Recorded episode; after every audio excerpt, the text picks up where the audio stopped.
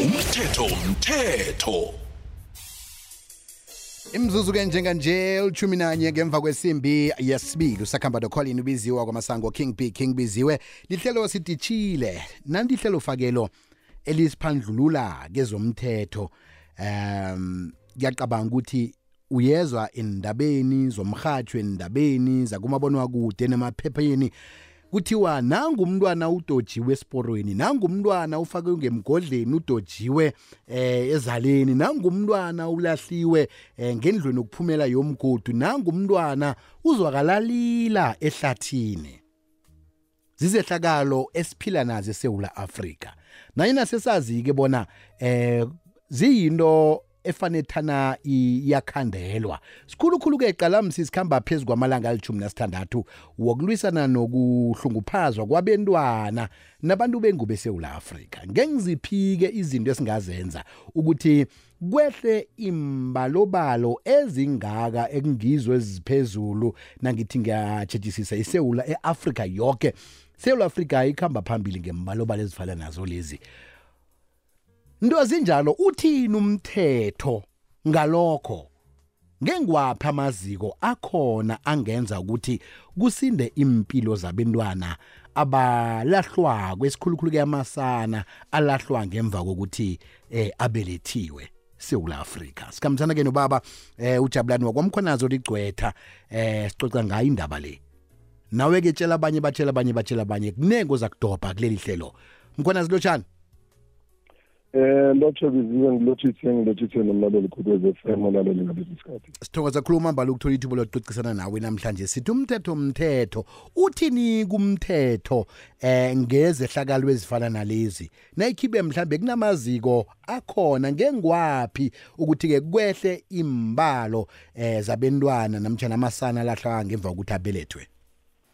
Eh biziwe njalo biziwe uthena uyithoma ngama states ukuthi iAfrika yonke ihlangene iSouth Africa ibonakala ikhamba phambili eh ngomasana isana sikhuluma ngomntwana uqeda kubelethwa biziwe la umuntu afihla khona ukuthi kubelethwe umntwana eh ngoba nakho ngenzele kungayo angazi kusuke kungamapha ama-circumstances mhlawumbe amlidela lapho.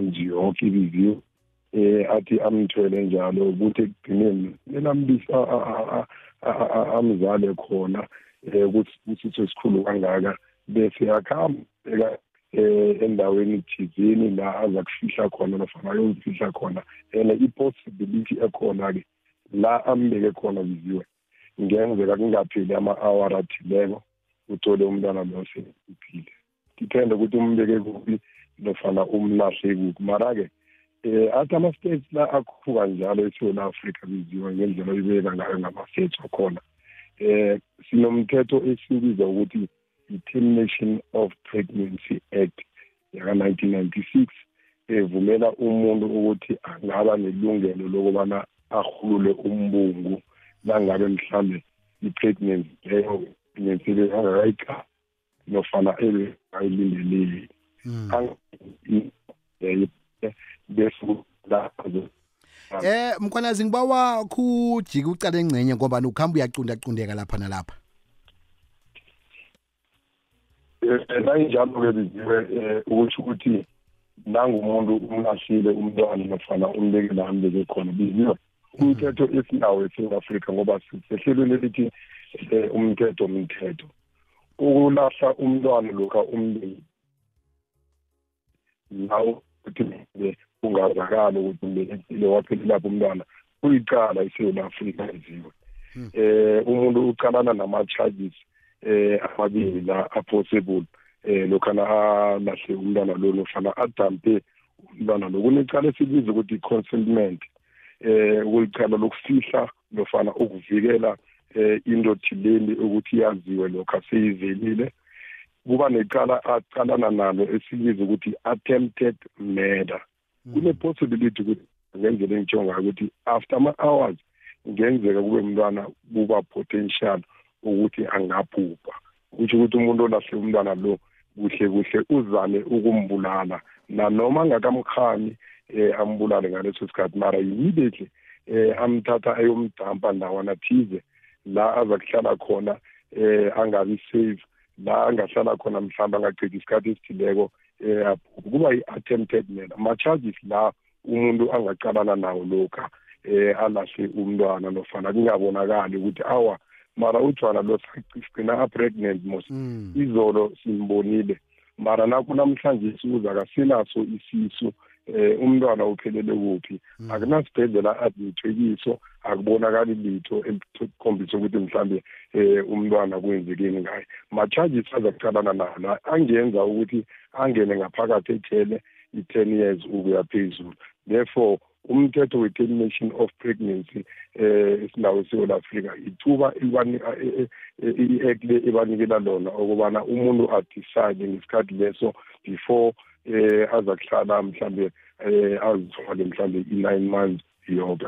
Akusithi emthethweni ukulahla umntwana eSouth Africa umthambeleziwe mkhwanazi omunye angathi eh umntwana lo ube mncane khulu ukuthi angakhona ukuthi ajamelane nazo zonke inkinga namtjhana imraro ezakuzana umntwana amthweleko lo. Sikhuluma la ngemayina mhlamunye umntwana ungaphasi kwe-16 years.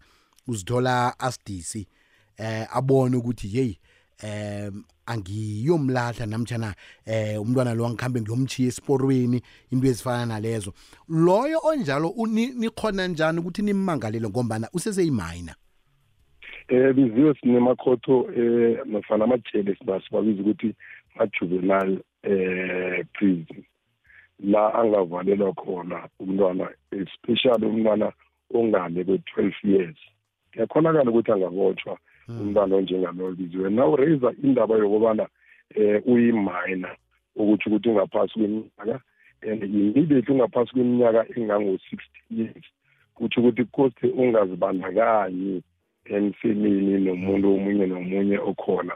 And immediately kutholakala biziwe bona eh ku- ku- ku- kunendoda nofana umsana obe-involved eh walala naye lo ongaphansi kwe-sixteen years. Eh la umcala umsana lo mhlawumbe ngenzeka una-twenty-one years ungale kwe-eighteen years kutsho ukuthi i-case leyo sokuyi-statutory rape. O- o- akakhoni ukuconsenta eh ukuthi azibandakanye emsemeni umntwana ongaphasi kwe-sixteen years and akukavumeleki ngokomthetho weSouth Africa kusho ukuthi kuza kuba nama-case amabili la. Mm. lo olele naye ongaphezu kwe-sixteen years walala nomntwana ongaphasi kwe-sixteen years statutory rape that's why ubona amacala njengalawo avuka asavela esibhedlela nangabe mhlambe umntwana okhambile waye esibhedlela wakubeletha. Akaphumi umntwana loyo biziwe abamdischarge umntwana loyo kungakavuli nofana kungakabi ne-docket in place elibeka umsana lo okubana avulelwe i-cage le-statutory rape that's why ubona-ke esikhathini esiningi bathi umntwana akaphumi esibhedlele kumele kube ne-case evulwako against lo olele naye ongaphezu kweminyaka alele nalo eh omncane. Mara-ke kune kunama-prisoner ama-prisoners esinawo ama-juvenile eh abafakako abantwana abanjengalawo. Kuseselicala nanoma ongaphansi kwe-sixteen years. Eh ukuthi uthathe umntwana uyomlahla ene i-extender iya nakulo owazibandakanye naye emsimini nge-statutory rape icala liziwe libamba woke umuntu. Akunamuntu ongaphezu komthetho woke umuntu uyalingana emthethweni esinawo eSouth Africa mkhwanazi ngiba ungibambele njalo eh, ngaphambi ukuthi-ke siyivale ikulumo ethu siyokuthengisa. Umthetho umthetho sakhambisana-ke nobaba oligqwetha ubaba ujabulani wakwamkhwanazi. Sicoca ngokuthi uthini umthetho um ngendlela ezivelako ukuthi-ke kuphungulwe isibalo samasana alahlwa ngemva kokubelethwa. Mkhwanazi ngicale la kunamaziko ahlukahlukeneko ukuthi-ke umuntu ngemva kokuthi abelethe umntwana ngakhona ukuthi amse lapho. Kokuthoma ngamse esibhedlela fika amchiye lapho. Kwesibili kuna kunenhlangano ezizijameleko eh lapho ke engeze bakubuza ipasi nespecial usuyamchiya umntwana lapho kunalapho ufika umbeke khona bona baza kuzwa ngesilili ukuthi kunomntwana ofakiweko ngapho bamthathe. Ngikhuluma ke ngenhlangano ezifana nabo door of hope. Eh na ugugula udoor of hope uyayibona. Kunenye ke eh okuyihlangano ye- yakahulumende ivukuzenzele. Eh usuthi vukuzenzele.gov.za lapho zakuthola khona ukuthi eh uthi ngaphi na uza khona ukuthi ke uphephise impilo yomntwana. Sesivala ke mkhwanazi ungathanda ukuthini ebantwini eh, ngalesihloko sanamhlanje biziwe eh ngizokuthi ukumlahla umntwana kumdamba kuyi-case and izokuthatha ikufake ngaphakathi ten years. Um ngendlela oyibala ngayo biziwe kunamaziko la eh abantwana ongamnikeza la obona ukuthi awa bengingasirina noma ngimthwele i-nine months and i didn't want to do any abortion in terms of i-act esinayo eSouth Africa therefore ithi ngithathe umntwana lo ngimnikise endaweni lezo zama-NGOs ezi-potential ezingavikela amalungelo wakhe umntwana lo. Cause eSouth Africa sinalento esibiza ukuthi i-adoption biziwe lokha umntwana umkhambise endaweni ezinjengalezo kuba potential ukuthi kuba ngaba mntwana o-adoptwayo eh for mhlawumbe abantu abanenkinga yokuthi abatholi abantwana. Lelwana ababa ku-line up labo eh engenza ukuthi i-life yabo namalungelo wabo avikeleke eSouth Africa ngokuthi nakho eh uma othileko nofana wakothileko uma adoptile umntwana lo kuba kufikizekana indiko zakhe njengomntwana eh nangendlela i-constitution eprotecta amalungelo wabantwana eh eSouth Africa. Abantu abadlalele kude biziwe nendaba yokubana balahle abantwana nangabe udecide eh ukuthi mhlambe eh indlela othole ngayo i-pregnancy leyo akusindlela erehe nofana bekungasisikhathi kune-act esilawo i-legalized indaba yoku-aborta eSouth Africa nofana ukuterminate eh i-pregnancy. Abantu aba-opte ukuterminata if akusiyindlela mhlawumbe i-culture nofana i-religion yakhe evuma ngayo kamthwale nine months leyo mara akhambe amnikise kulama-NGO esewabalile ebiziwe nofana amnikise esibhedlela so that umntwana lo akhona ukuvikeleka namalungelo wakhe avikeleke ngoba nakho uzoku-adopta nofana um kungenzeka a-adopte nofana akhuliswe endaweni ethileko yama-orphanage la aza kuhlala khona until arishe i-age la mhlambe azakhona ukuthi azijamele abantu abadlalile kude biziwe umthetho mthetho umthetho weSouth Africa uthi wamlahla umntwana uqalana ne-criminal case ezakuthatha ikufake phakathi i-10 years kuya ku-15 years biziwe hmm. Balindaba ezicakatheke khulu kwambala nemasondweni kunamasondo nawo asebenza ngokumbelekela eh nawufika esondweni wamtshela lapho umntwana bazibona ukuthi fanele benzeni. Eh mkhwanazi ke nange sikufuna eh ukuthi ke usize ngehlangothini lezomthetho sikuthola njani?